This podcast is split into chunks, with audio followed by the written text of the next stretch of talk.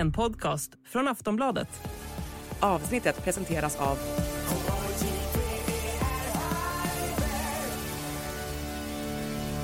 Stödlinjen.se, åldersgräns 18 år. Hej och välkommen till Höjd beredskap, en podd från Aftonbladet Ledare. Idag om den så kallade kontrollstationen efter Försvarsberedningens förra rapport. Håller den svenska upprustningen på att spåra ur? Vår beredskap är god.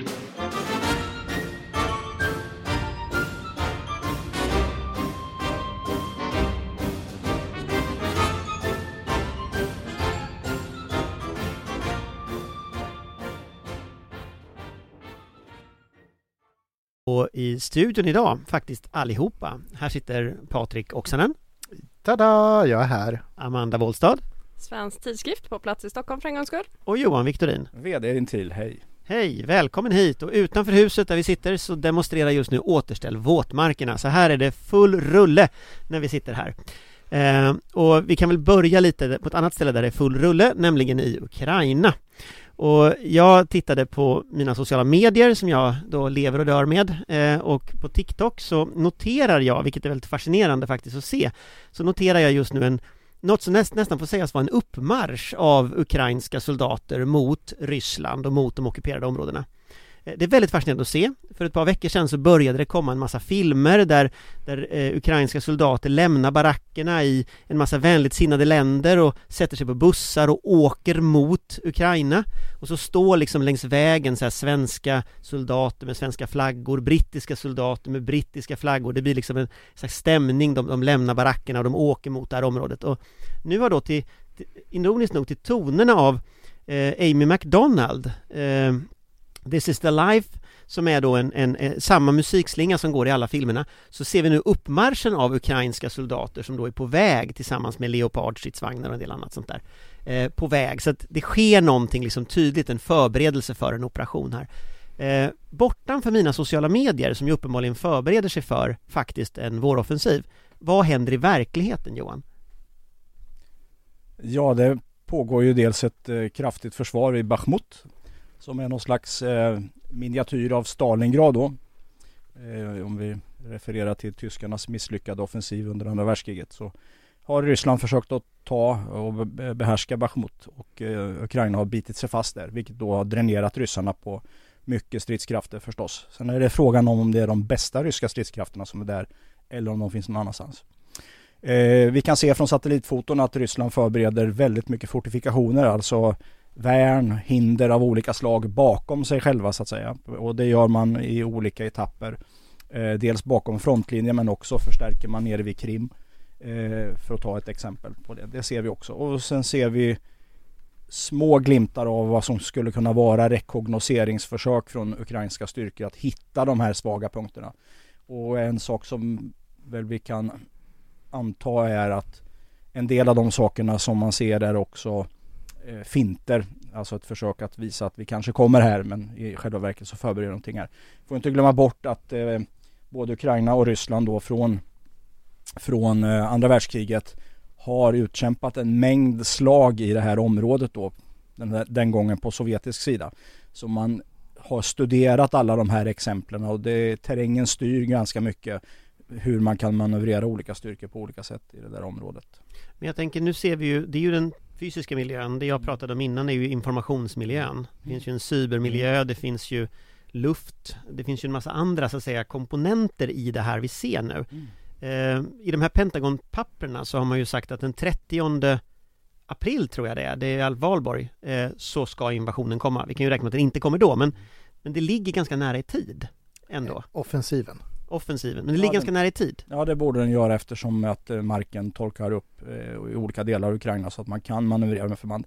En viktig faktor är ju här hur långt, hur många av de här stridsvagnarna och artilleripjäserna har kommit in eh, till de ukrainska styrkorna och hur pass liksom övade är de på detta. Så att det är det som kommer bestämma när man kan sätta igång faktiskt på riktigt.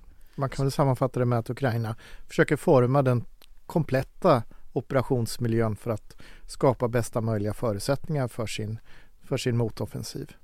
Mot detta ska vi dock säga att eh, Ryssland har ju fortfarande ett ganska kraftigt luftöverläge. Vilket innebär, och det är därför Zelensky och den ukrainska ledningen pratar om stridsflygplan så ofta.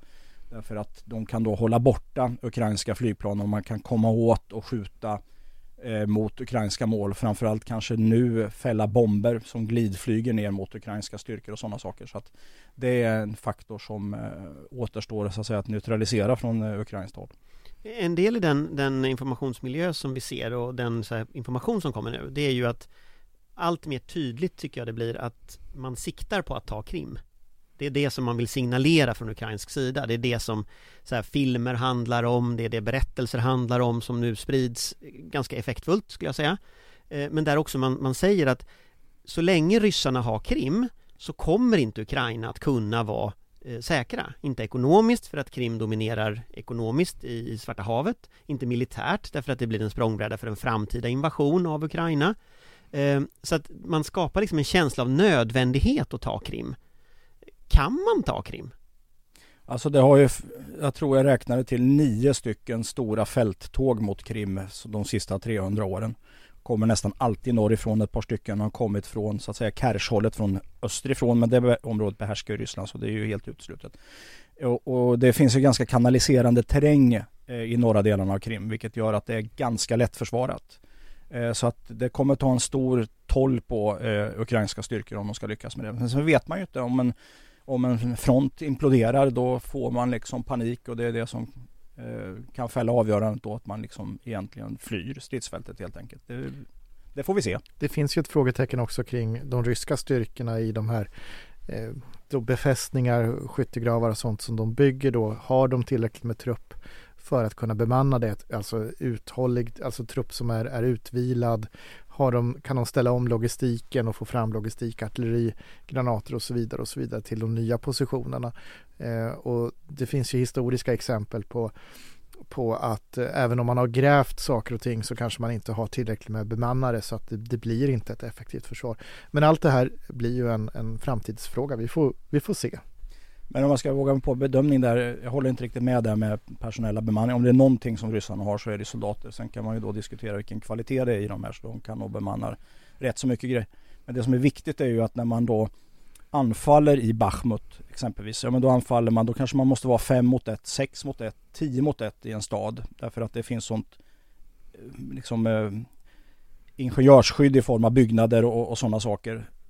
Här blir det ju omvända. Då blir det kanske 3 till 1 om Ukraina så att faktorn blir ju liksom 10 För att det inte är städer Precis, 10 till 20 gånger åt andra hållet egentligen då. Om ni hänger med på den uträkningen. Det vill säga om vi anfaller 10 mot 1 i en stad men nu ska Ukraina anfalla 3 mot 1. Då är ju ryssarna liksom helt plötsligt 30 gånger starkare jämfört med vad de var innan. Jag tänker, Amanda, om man, om man tittar på förra gången som Ukraina gjorde en offensiv, om vi går tillbaka till, till i höstas då, då sa man ju att man skulle göra en offensiv eh, söderut och sen så angrep man norrut och ryssarna blev helt tagna på sängen. Eh, Ukraina gjorde en fantastiskt framgångsrik offensiv. Eh, och det gjorde ju, det cementerade ju stödet till väst. Det gjorde ju att väst nu ger, ger eh, stridsvagnar och att Polen ger stridsflyg och så vidare. Eh, hur länge tror du stödet varar från väst om du tittar på liksom situationen?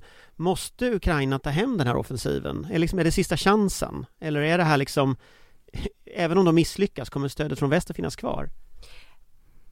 Jag skulle inte säga att det är sista chansen. Det finns så väldigt många dimensioner i det här. Det har ju historiskt varit svårt att säga i om därför att vi har ju ett antal gånger här i podden bekymrat oss över och oroat oss för att, att stödet ska fallera, att man inte ska riktigt orka. Sen har det ju hänt saker, dels så har det hänt eh, Nord Stream till exempel, det har hänt saker i Ukraina, nya krigsbrott har framkommit, ukrainska framgångar har väl lite gjutit mod i liksom den europeiska motståndsviljan.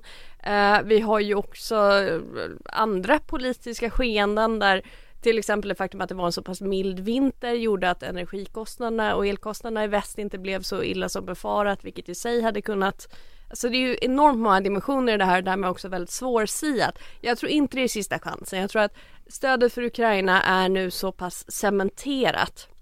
Den här frågan är ändå så pass högt uppe på dagordningen. Eh, sen så hjälper det ju naturligtvis. Det, det, det, blir lättare om man ser framgångar. Det blir framförallt lättare om man ser att det, det finns någon slags översiktlighet i det här. Det är ju lättare att stödja ett Ukraina om man tror att det finns ett, ett slut eh, och framförallt att det finns ett slut där Ukraina tar hem det än om man räknar med att det ska pågå i liksom tio år till och svaja fram och tillbaka. Eh, därför att det är olika typer av engagemang och, och eh, olika typer av liksom långsiktighet i stödet. Eh, så jag tror inte det är sista chansen men det är klart att det, det vore bra och sen vet vi inte heller det, vi har ju pratat om det tidigare, vi kommer prata om det igen nästa gång till och med tror jag. Ukraina har ju verkligen dominerat informationsmiljön under hela kriget. Eh, så att det kan ju naturligtvis finnas eh, dolda budskap och motstridigheter och så vidare här. De vet ju vad de håller på med, så mycket kan vi konstatera. Och det finns ju en politisk dimension även i, i, i Krim därför att i början på kriget framförallt så var det ju där många västerländska bedömare ansåg att, att gränsen gick. Eh, man skulle hjälpa Ukraina att stå emot den ryska invasionen men Krim fick de nog liksom anse var uppgivet och det har ju flyttat sig väldigt mycket sedan dess. Nu pratar ju de flesta eh, politiker eh, och, och, militära ledare, ÖB stod ju och pratade om det på eh, Folk och Försvars rikskonferens i januari till exempel att Ukraina ska återta hela sitt eh, territorium inklusive Krim. Och det är väl också någonting som Ukraina vill fortsätta hålla på dagordningen att detta är, Krim är ukrainskt. Krim ska tillbaka till Ukraina. Först då är kriget i någon mening vunnet. Så det finns ju en politisk dimension även i detta. Ja, sen, sen, tycker jag det finns en poäng i det här när man tittar på den strategiska situationen. Lite det som Johan var inne på med de olika fälttågen här. Alltså, eh, tittar vi på en karta så ser vi ju att Krim dominerar handeln i Svarta havet. Det dominerar Azovska sjön. Eh, vilket gör att Mariupol till exempel som hamn, även om man tar tillbaka Mariupol så är den helt värdelös. Man kommer inte ur Azovska sjön så länge ryssarna har Krim. Så att, så att liksom rent ekonomiskt så behöver man Krim. Militärt så har ju Krim varit språngbräda för invasionen av Ukraina. Så det, det, är ju helt uppenbart att liksom eh, både militärt, ekonomiskt och politiskt naturligtvis som du säger så måste man ta Krim. Sen vet jag inte, det finns ju en annan diskussion i det här och det är ju också en sån snackis i väst eh, att åh, då kommer ryssarna använda kärnvapen. Eh, men det minskar ju trovärdigheten också i. Jag menar, de har ju hotat med kärnvapen väldigt många gånger nu. Eh, och det är klart, trovärdigheten minskar ju för varje gång de gör det. Eh, och kostnaden för, för Ryssland om, om, om Indien och Kina säger använd inte kärnvapen och de gör det i alla fall, den är ju enormt hög. Eh, inte bara mot väst. Så att det känns ju som att Krim ändå är rim... Alltså det, det håller på att bli en konsensus i väst att det är rimligt antagande att de, de kommer att kunna ta, eller i någon mening i alla fall försöka ta. Folkrättsligt så, så är det ju frågan ganska enkel. Folkrättsligt är frågan oerhört enkel, absolut. Samtidigt så bygger ju det resonemanget på att det är liksom Ryssland för sig självt. Man ser ju BRICS-länderna som flyttar fram sina positioner och manövrerar ganska märkligt just nu när det gäller Brasilien och Sydafrika och så vidare. Även Indien vet vi ju faktiskt inte riktigt var vi har någonstans i, i de här frågorna. Så att, eh, eh, vi får se. Med, med, vi får se som slutord om just, just eh, den här frågan så är nästa fråga är ju den egna beredskapen i Sverige. Och där kom det ju idag ett dokument som heter kontrollstation från försvarsberedningen. Eh, och det där låter lite obegripligt. Så att, vad är en kontrollstation Johan? Det är en uppföljning av försvarsbeslutet. Man, eh, ett par år in i det, i det föregående försvarsbeslutet som fattades 2020 så bestämmer man att nu ska vi ta och titta hur ser det egentligen ut? Vad får vi ut den här effekten vi har räknat med och sånt? Och det får man inte, eh, skriver man. Och det beror på framförallt vad som har hänt i omvärlden. Vi har haft liksom effekter av covid-19 och det har varit Ukraina-kriget och det har varit NATO-inträdet och alla de här sakerna. Och sen har det varit då en, en tröghet i att omsätta där personalförsörjningen är ju särskilt jobbig för Försvarsmakten att få ut eh, effekt i det här. Så att det är det man kommer fram till när det gäller hur har det gått så här långt egentligen. Och så har man då ett antal resonemang. Vad innebär det här då? Eh, där man kan titta på två stycken intressanta saker. Det ena är då att man vill tidigarelägga nästa försvarsbeslut. Eh, och det är bra för då kan man liksom korrigera riktning lite snabbare egentligen. För nu lever vi med en viss tröghet i det här. Och den andra är ju att man då har ett ganska långt resonemang på vad det här 2 målet, vad innebär det och vad ska då räknas in i det? Och det var ju en förskräcklig läsning. Det skulle ju innebära att om man följer det som står i den här rapporten, det vill säga att man ska gå på ESVs förslag, Ekonomistyrningsverkets förslag om hur man beräknar så ska vi även införa moms och den typen av Du får nästan förklara lite här. Utgifter. Alltså, för, Mm. alltså NATO har ju en, en princip om 2 Ja. eh, som, som är liksom gränsen för hur mycket pengar vi ska lägga på försvaret. Golvet. Det är som golvet på det så va.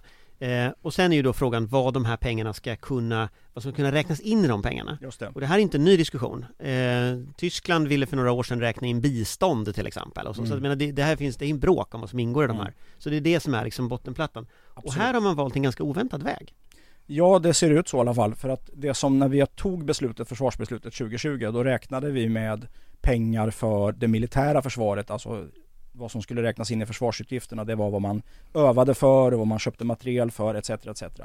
Nu vill då, nu för beredningen ett resonemang på att ja, vi ska ha 2 procent och då ska vi gå och räkna in även pensioner, moms och sådana saker. Och då pratar vi 20 miljarder per år som det ska, och då innebär ju att jag gjorde ett överslagsräkning. Det innebär att vi skulle nå 2% redan nästa år. Därför om den, eh, man räknar med över nå 124 miljarder eller 127 miljarder nästa år till, till hela totalförsvaret. Om det skulle plussas på med 20 miljarder då skulle man ju liksom nå det direkt. Fast det civila försvaret är inte med i NATOs beräkning. Nej, Den ligger ju utanför. Eh, bara för att vara tydlig där. Sen, sen eh, är det ju också en, en aspekt att ta med där. Så markerar ju försvarsberedningen. Det finns ju en överenskommelse från 2022, politisk överenskommelse, att nå 2 av BNP till det militära försvaret så snabbt som möjligt. Eh, och det är ju av regeringen sagt till senast 2026. Och där gör ju försvarsberedningen en markering att den överenskommelsen ligger fast utifrån, som jag tolkar det i alla fall, vi får se om Johan och Amanda tolkar det annorlunda, utifrån den beräkningsgrund som gjordes då i fjol. Så ambitionen då är egentligen de facto eh, högre med NATO beräkningssumman men sen vecklar man ju in sig ännu mer i det här och så slår man fast någonstans att 2% är den planeringshorisont som man har eh, till 2035. Mm. Och där någonstans så vet jag inte längre vad de håller på med. Men, men för att bena ut det här, för det här känns obegripligt. Om man be- be- benar ut det här 2% till försvaret ska alltså inte gå till försvaret utan det ska gå till massa andra saker. Det skulle kunna bli så eh, eftersom Ekonomistyrningsverket och Finansdepartementet eh, Jag anar då, detta. eftersom jag då också har Förstås. jobbat i den där världen en gång i tiden, att Finansdepartementets budgetavdelning kan finnas här i Mm, bakgrunden. absolut. Alltid fi. Det faktum att man ägnar så många sidor av en ändå ganska kort rapport att resonera kring det här är ju i sig ett liksom inte bara ett varningstecken utan det är ju liksom blinkande röda sirener och tjutande liksom.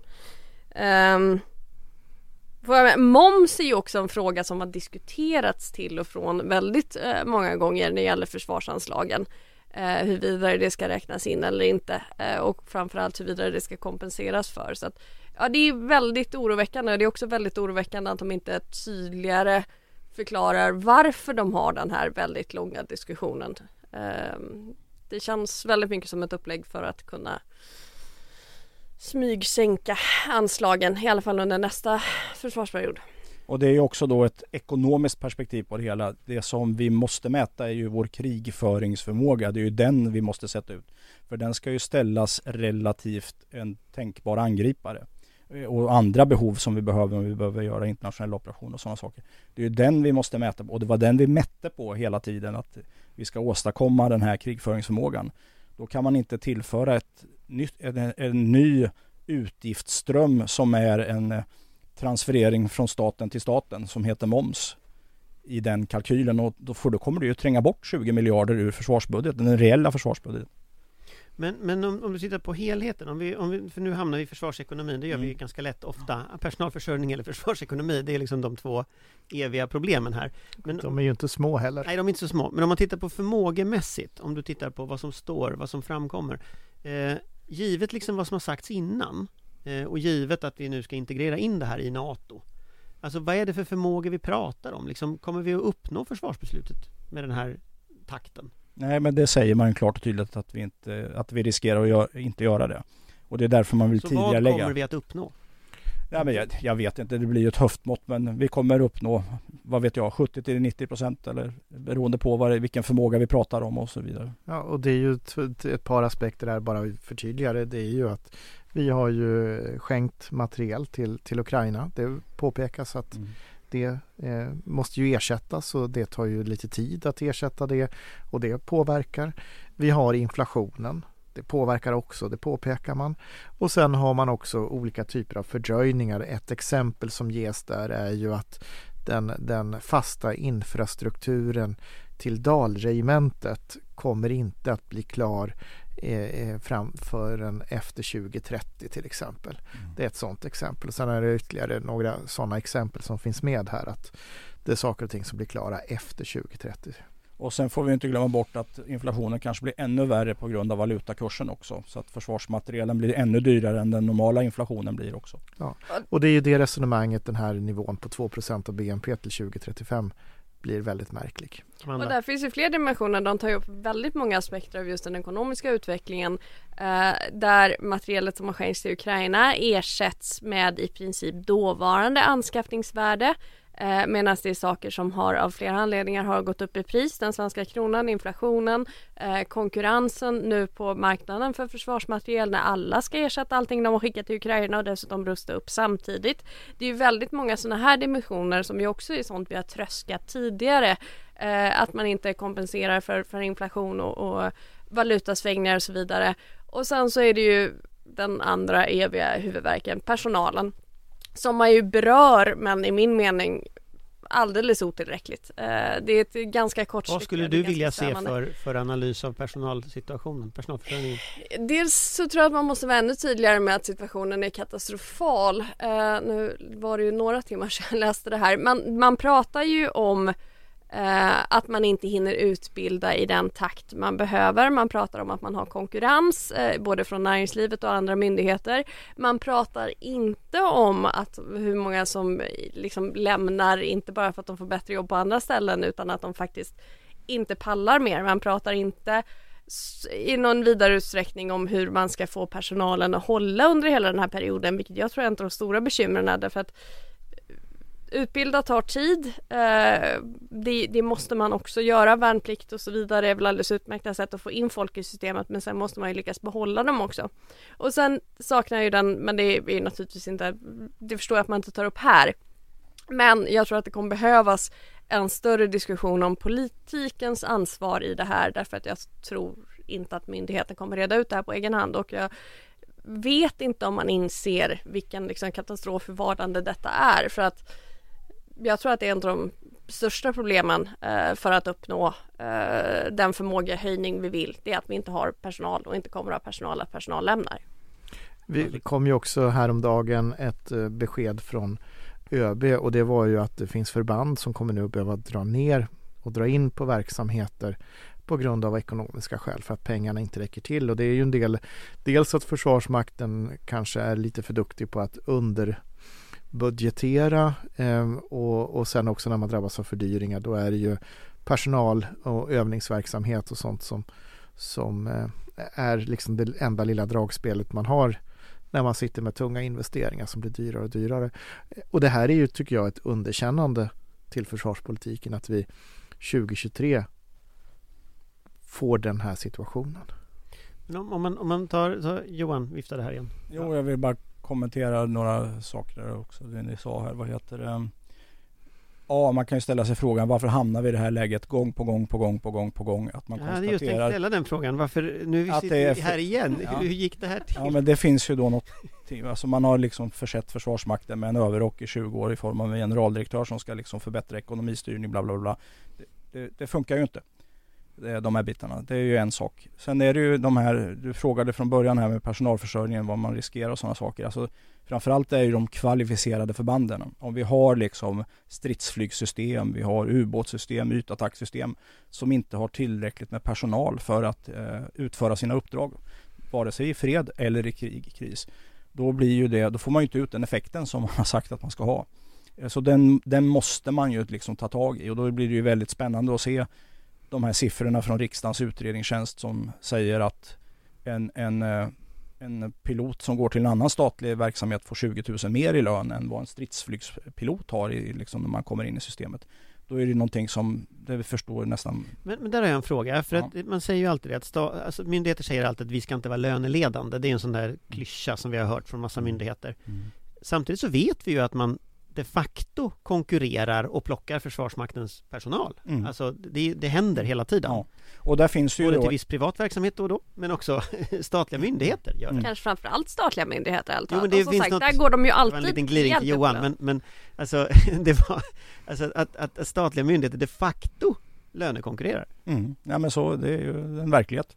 Och då måste man ju liksom acceptera den verkligheten och agera utifrån den, menar jag. Framförallt i de här kritiska systemen. Och det är ju inte bara att köra stritt, det kan ju vara inom cyberområdet eller sensorer och sånt där också. Där det finns nyckel, flygingenjörer, mariningenjörer, gud vet allt. Om, om man tar på helheten så är ju en kontrollstation enligt den modell vi har eh, är ju någonting som ska föranleda åtgärder från politikerna. Eh, nu får man besked. Vad är läget? Vad ska vi göra? Så om ni får ha liksom en så här topp två var och en av er. Vad är det politikerna ska ta till sig av detta och göra nu? Så börjar vi med Amanda. Ja det är ju att det uppenbarligen inte räcker och det har vi ju i och för sig kunnat se ett tag men nu finns det ju verkligen på svart på vitt. Eh, att man flyttar fram nästa försvarsbeslut som beredningen föreslår är naturligtvis utmärkt men inte tillräckligt. Eh, det är att det måste hända saker nu och det är ju framför allt då tror jag att man måste se över kompensering för eh, ekonomiska läget för fördyring, för inflation, för eh, det faktiska nyanskaffningsvärdet för materiel som skänks till Ukraina snarare än inskaffningsvärde och sådana här saker. Eh, och så är det personalfrågan. Alltså, jag inser att det finns problem med eh, ministerstyre och eh, att man inte kan gå in och göra saker hur som helst men liksom hade man pumpat in x antal kronor öronmärkta till lönehöjningar och liksom situationsförbättringar i Försvarsmakten då hade man kunnat undvika väldigt många problem både på kort och lång sikt. Patrik? Ja, ska jag lägga till någonting eh, så att vi inte bara repeterar eh, för jag håller med eh, i mångt och mycket i det som har sagts så skulle jag vilja lägga till då försörjningsdelen till exempel på ammunition, eh, Eh, eh, tillverkning av robotar, annat. Och det är inte ett, någonting som Sverige kanske kan lösa helt ensamt men, men tillsammans med andra så behöver vi och EU är ju liksom delvis inblandat i det här också men det måste gå mycket fortare att ställa om till en ökad produktion. Eh, den går alldeles för långsamt, den är jag bekymrad över. Och sen är jag generellt sett bekymrad över att fortfarande så, så det är någonting i, i luften eller i vattnet som gör att eh, vi fastnar i våra processer och, och det tar tid och, så vidare. Eh, och även om alla vaknade upp för ett år sedan eh, och insåg att nu har allting blivit lite skakigare här med Rysslands fullskaliga angrepp eh, så är det fortfarande eh, det andas fortfarande som att det finns en massa tid för våra processer. Det bekymrar mig. Johan? Ja, jag prioriterar ju då förbandsverksamheten högst, det vill säga att lösa det här med personalförsörjningen och övningsverksamheten. Och det kan man göra på två sätt som jag ser det. Det ena är att man för över anslag, alltså man skiftar pengar från materiel till förband.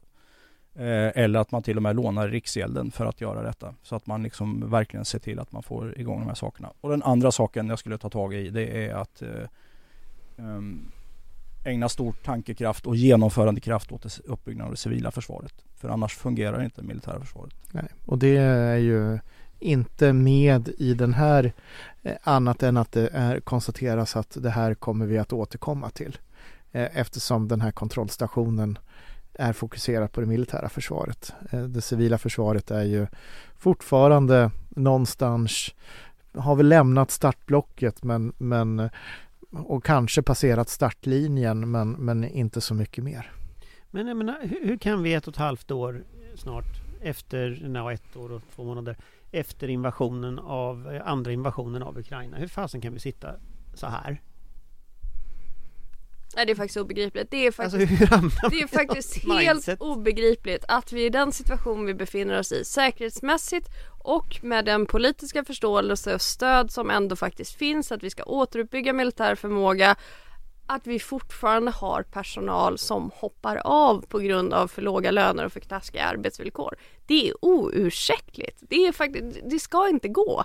Det ska liksom inte vara en kotte som lämnar av den typen av anledningar när vi behöver dem, där vi behöver dem. Att, att vi fortfarande har den här diskussionen, om man inte bara löser problem, kasta pengar på det. Det kan man göra med så mycket annat. Det här är ändå liksom statens främsta grunduppgift. Vi kan inte ha piloter som slutar eller liksom börjar plugga för att de får så dålig ersättning. Det, det är barockt, det är faktiskt det. Det är helt obegripligt. Eller går över till att jobba i gruvan i, i Kiruna.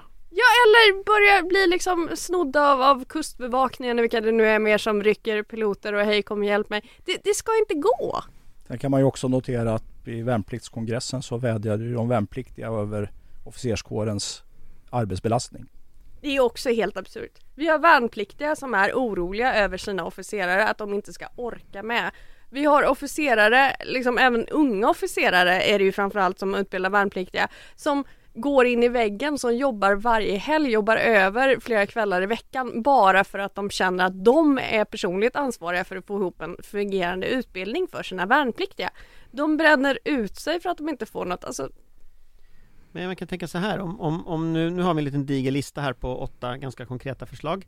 Och jag tänker att om en kontrollstation ska vara någon mening med Så ska ju politikerna nu ta det här och faktiskt komma med förslag. Och det är ju upp till partierna att komma med förslag. Eh, Förra mandatperioden så lades det ju ett ganska stort antal ändrings och tilläggsbudgetar under resans gång eh, med anledning av covid. Det är inte helt otänkbart att göra också det med anledning av eh, att det är storkrig, eh, inte 100 mil från vår gräns. Så att det är klart att, att det finns ju en möjlighet för de partier som vill att ta konkreta förslag och faktiskt göra någonting åt det här. Och detta är en av väljarnas viktigaste frågor. Så om man vill locka med någonting så är det faktiskt så att väljarna börjar se försvarspolitik som väldigt centralt, som en hygienfaktor för partier. Men som en liten inledning, det var kontrollstationen. Vi kommer säkert att komma tillbaka till både försvarsekonomi och personalförsörjning och förbandsverksamhet. Tror du det? Kan hända. Men då tänker jag så här, en par saker till som vi har på, på vår tallrik idag. En är det jag kallar för spioner, men då bör ni rätta mig. Men ryska spioner överallt. Eh, det har kommit massa sådana här eh, TV har avslöjat att det eh, vad var det, 13 eller vad var det, 15? Det var massa ryska spioner i alla fall. Och det TV gjorde som var lite roligt var att de namngav och satte bilder på dem. Uppdrag granskning gjorde det. Sverige har slängt ut några stycken, men är det klart nu? Är vi liksom av med dem nu? Eller vad, jag vad hade säger ju ni? önskat att det var 13 svenska spioner som, som Ja, SVT nu började du satt- igen. Nej, satt vi ska bilder på. inte ha 13 svenska spioner, tack. Ander, ja, så här är det. Jag menar heter naturligtvis underrättelseofficerare, ryska men ni bara retar mig för att jag säger fel. Ja. Men i alla fall, är vi, är vi safe nu? Johan? Nej, det är vi inte. Varför Därför inte då? Att, nej, men det ligger i den här De har ju organens, slängt ut fem. i de här organens natur att ständigt söka nya mål för att värva. Att försöka komma åt den information som man är intresserad av. Politisk information, militär information och teknisk information. Om vi ska liksom koka ner det lite grann. Sen finns det ju flyktingspionage och så vidare. Men, men det är de här tre eh, grenarna som man far efter och då är man ständigt på jakt efter nya byten som spionen är. Spionen är ju ett instrument som man eh, utnyttjar för sina egna syften. Även om den då som blir värvad eller tvingad till att samarbeta med rysk underrättelsetjänst. Eh, nu tappade jag tråden vad jag skulle säga för någonting. Men, ehm, Jag kan ge tråden till Patrik. mm. Ja, men jag, jag, det är ju som så att eh, eh, den här spion, spionerna då som, som SVT kallar det för Det är, det är ju egentligen de spioner är- tydliggöra är- min ironi i början. Är, är begreppet den som blir värvad Precis. Så, och den- svensken och- är spionen och ryssen är agent och Ja precis, precis. Ja. och min syftning på svenska spioner var inte eh, sp- spioner som är värvade av svensk underrättelsetjänst utan svenskar som är värvade av rysk underrättelsetjänst. Bara för att klargöra den, den, den, den glidningen. Ryssland har underrättelseofficerare på techbefattningar på den ryska ambassaden. De, det är 13 sådana som är namngivna. Men nu är det SVT. fem färre, för de har vi kastat ut. De, fem blev utvisade. Norge utvisade fler på ett bräde. Eh, Sverige har valt en, en, en typisk liten mellanväg så, så att vi, vi har tagit, vi har tagit eh, en lagom del av de där och några av de som är utpekade ska jag säga, de är inte kvar i landet, blivit utvisade tidigare som till exempel eh, den som, som var personen som gav pengar till spionen i Göteborg om ni kommer ihåg det fallet, industrispionen i Göteborg. Han och hans fru har ju lämnat och enligt SVT Uppdrag granskning då, granskning då så, så jobbar han nu på den ryska ambassaden i Seoul i Sydkorea istället. Men min fråga var då liksom un-? Underrättelsehotet liksom. Ja, det- är, det- är det det, finns kvar. och på vilket sätt finns det kvar då efter det här? För nu, det är trots allt så här, varje gång det blir en debatt så slänger man ut några stycken och sen så, ja, och sen återgår allting till det vanliga igen. Mm, fast det gör ju inte det ur rysk synpunkt. Därför här har man nu blivit av med fem stycken tränade officerare som kan det här språket, som kan den här kulturen eh, och som har eh, de eh, subjekt man jobbar med, de eh, mål och det man Subjekt försöker, betyder alltså, personer som ska jobba för en. Eh, då måste man ersätta det på något sätt. Då får man försöka komma in med nya eller så får man använda det som är non-official cover, det vill säga folk som är här och arbetar utan diplomatisk immunitet och det skydd som finns vid en ambassad om man är ambassadanställd. Så kallade illegalister. Precis. Eh, och det här öppnar sig ju då stora möjligheter för, eh, för oss och andra västländer att få lite mer kon på. För man måste ju liksom bildligt talat röra lite grann på sig. Det måste, och ponera nu då att eh, eh, Säkerhetspolisen har sett att den här ny, nu utvisade diplomaten hade kontakt med person A. Då måste det ju komma, om man nu tycker att person A är väldigt viktig därför han kanske redan håller på med någonting. Då måste ju någon annan komma in och ersätta den kontakten. För man måste ha någon form av kontakt. De måste få informationen på något sätt. Eh, och då kan man liksom observera nya spelare och nya eh, mönster. Inte bara personer utan man kan även se i signaltrafiken hur den rör sig och förändras och sånt där. Så det finns väldigt mycket att titta på för svensk del. Sen är det ju så här också att eh, vardagen för eh, den som då jobbar eller blir tvingad att jobba för främmande makt förändras ju också därför nu kommer det in en ny relation. Det är kanske någon annan man ska ha kontakt med som man inte fattade tycke för första gången. Eller, som man gjorde första gången när man lät sig värvas.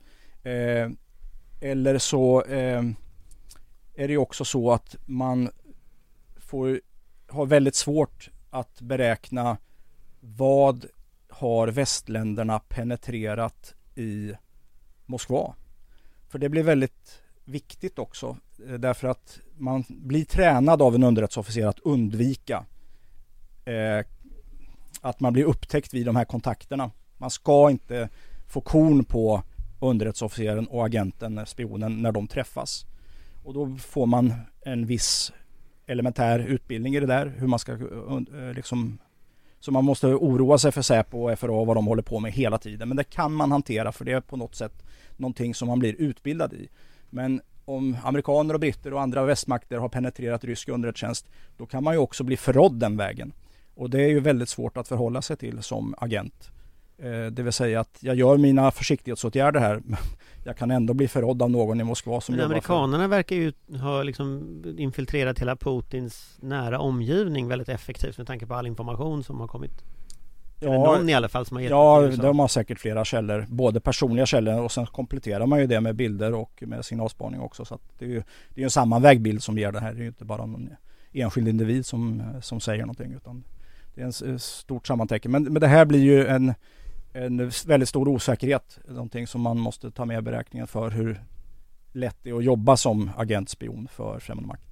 Det är 200 arbetstimmar som har försvunnit för rysk underrättelsetjänst vid ambassaden i 40 Stockholm. timmars vecka. Ja, om man jobbar 40 timmars vecka. Men, men det här är ju Aftonbladets ledarpodd så vi måste väl utgå ifrån att det är 40 timmar eller 36,5 timmar kollektivavtal. eller så. Kollektivavtal även för de ryska kamraterna. Spionavtalet, ja. Eller vad heter det? Underrättelseofficersavtalet Absolut. Anders. Du måste hålla koll på dina Får kollektivavtal. jag bara säga en sak då om det här med, med ord? Alltså underrättelseofficer är ett värdelöst rubrikord. Spion är mycket bättre.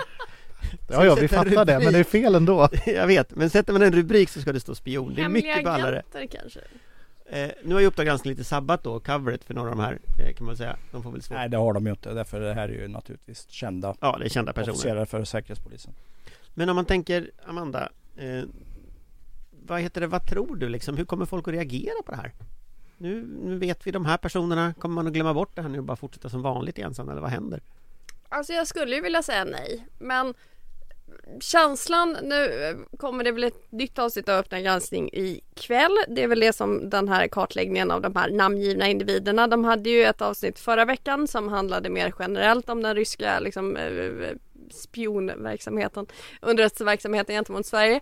Eh, och känslan då var, det är ju naturligtvis otroligt värdefullt att Uppdrag granskning gör den här typen av granskningar och program och att man sprider liksom synen på och förståelse för vad som faktiskt pågår, vad som faktiskt har pågått. Man fick ju också lite känslan av att wow, nu har de hittat Säpos årsrapporter från 2010 liksom när man började skriva ut att si och så många eh, ungefär, för det har ju stått i varje Säpo årsrapport i eh, lite mer än tio år tillbaka i alla fall att det största underrättelsehotet mot Sverige står Ryssland, Kina och Iran för och att man räknar med att ungefär en tredjedel av personalen vid den ryska ambassaden i själva verket är odeklarerade underrättelse eh, agenter, whatever you want. Så att jag menar, det här är ju ingen ny kunskap. Vi har ju vetat det här. Svensk underrättelsetjänst har ju naturligtvis haft koll på de här personerna. I den meningen gör ju inte Uppdrag granskning något avslöjande. Sen gör de ju en väldigt stor eh, pedagogisk insats som sprider det här och förhoppningsvis får fler att inse hur situationen ser ut. Men det är inget nytt och därför så tror jag inte heller att det på sikt kommer förändra någonting. Uppdrag granskning är värd ett folkbildningspris. Ja, vi, vi hoppas på att det kanske kommer något rejält avslöjande som är helt nytt i, i sista programmet. Hur lång tid tar det för ryssarna att skicka nya underrättelseofficerare och rekrytera samma gamla personer igen? Alltså hur, hur, hur återtar man en förlorad förmåga ungefär i tid? Hur lång tid tar det? 6 till 12 månader. Och så om ett år så får man börja slänga ut några nya då? Ja, om vi har godkänt eh, vi, vi kan ju också ha som instrument att hålla nere den ryska ambassadens antal befattningar och så. Eh, om UD väljer den vägen. Vissa dagar så känner jag att vi låter liksom ambassadören stanna och behålla en person och det räcker banne mig gott och väl. Det ser Johan pillemarisk ut här. Jag bara funderar på att man kan Vi låter ju naturligtvis dem stanna så i en tillräcklig mängd så att de som vi har värvat vid den ryska ambassaden kan stanna kvar och vara omärkta. Ja, det låter som en klok policy tycker jag. Eh, nu byter vi ämne. Eh, och jag tänker att ämnet är Sudan. Som en sista punkt så, eh, så är det ju Sudan är ju eh, As we speak vet jag inte om det vapenvilan håller längre Den växlar lite timme för timme eh, Men man har i alla fall fått ut eh, det, de svenskar som, som man försökte få ut Senaste som gick ut i Khartoum var att nu får folk ta sig till flygplatsen själva eh, Svenska medborgare det går fortfarande flyg därifrån men det går inte att upprätthålla säkerheten så att säga för folk att ta sig dit. Eh, så att det är väl en operation under avveckling men, men man får säga ändå att den har varit otroligt framgångsrik och snabb. Mm. Eller vad säger ni? Vi har lärt oss en del från Afghanistan, absolut. Mm.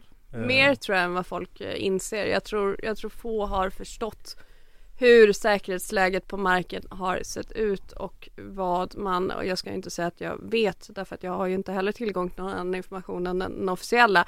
Men om man ser eh, exempelvis eh, Guardian var det väl hade en eh, lång artikel om hur den brittiska eh, evakueringen, extraheringen hade gått till eh, och det är ju det, det, är ju en Hollywoodfilm. Man har ju gått in och extraherat eh, folk eh, med liksom väpnade eh, eh, fordon och så vidare.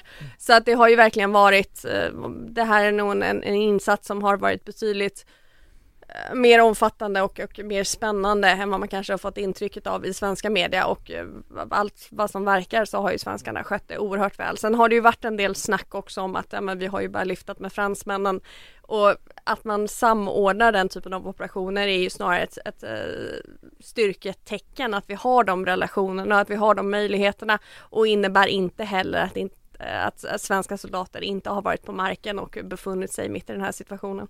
Sen kan man ju möjligen ifrågasätta UDs eh, säkerhetsanalys med tanke på att det fanns ambassadörers eller ambassadpersonals familjer fanns kvar i landet. och man lyfter väl även ut en del barn tror jag. Sen är ju kan det ju varit äldre barn naturligtvis men det är ju frågan varför de var kvar där överhuvudtaget när situationen hade hettat till så pass mycket.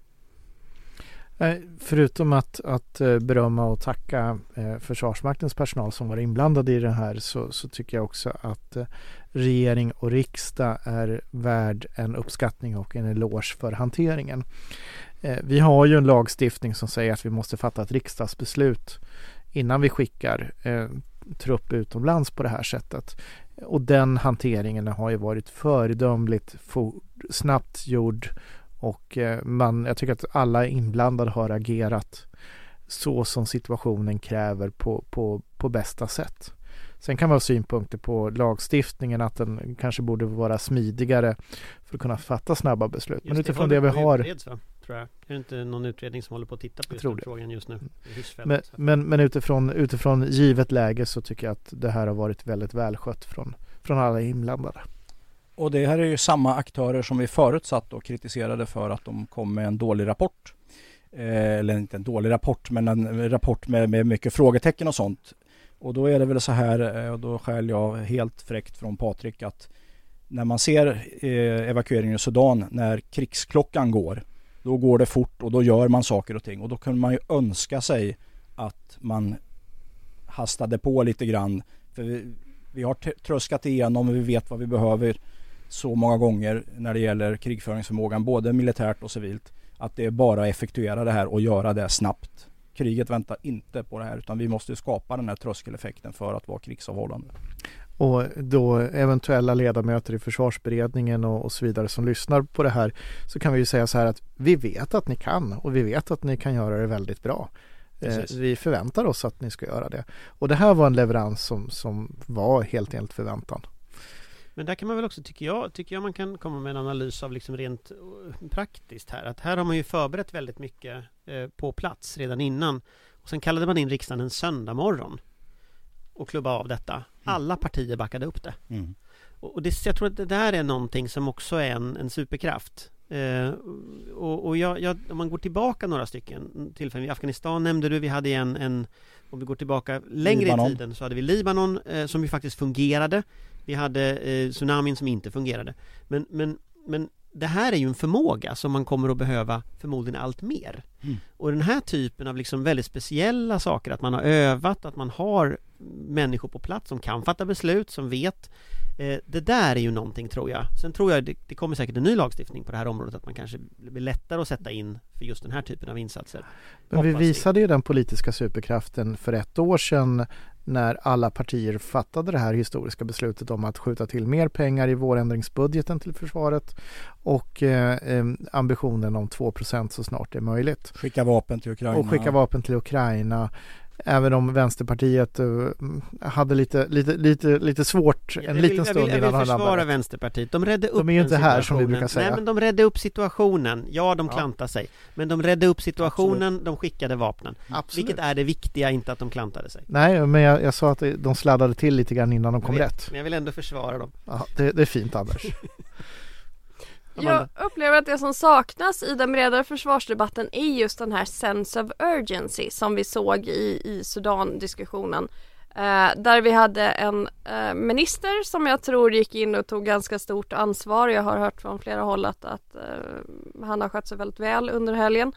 Eh, och vi har eh, statsministern förstår brådskan i detta, det gör även eh, riksdagen och hela grupperingen runt omkring. Man kan ta ett beslut fort. Eh, det kunde man eh, i första vapenleveranserna till Ukraina, man kunde det när man sköt till pengar för något år sedan.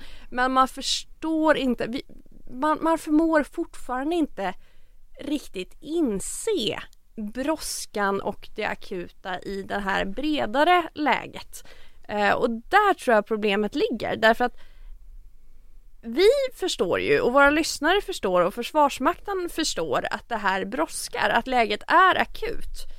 Eh, även om det är långa ledtider så innebär det att vi måste starta tidigare för att få någonting gjort. Men den känslan verkar svåröverförd till den politiska nivån och där är det nog mycket sitter fast.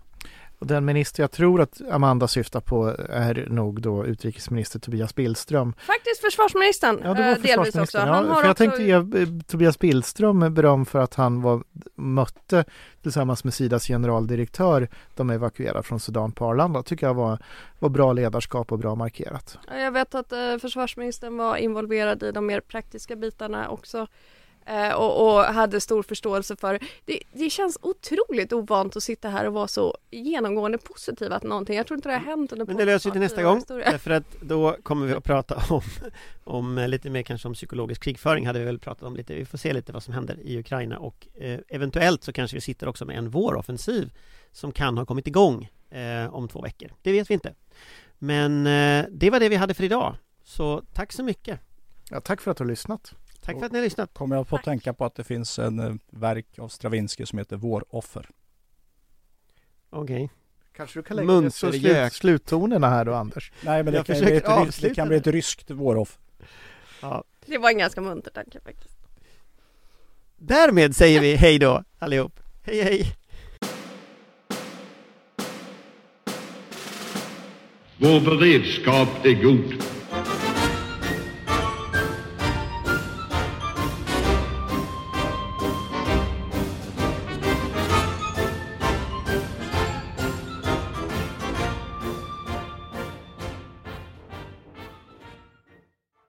Du har lyssnat på en podcast från Aftonbladet. Ansvarig utgivare är Lena K Samuelsson.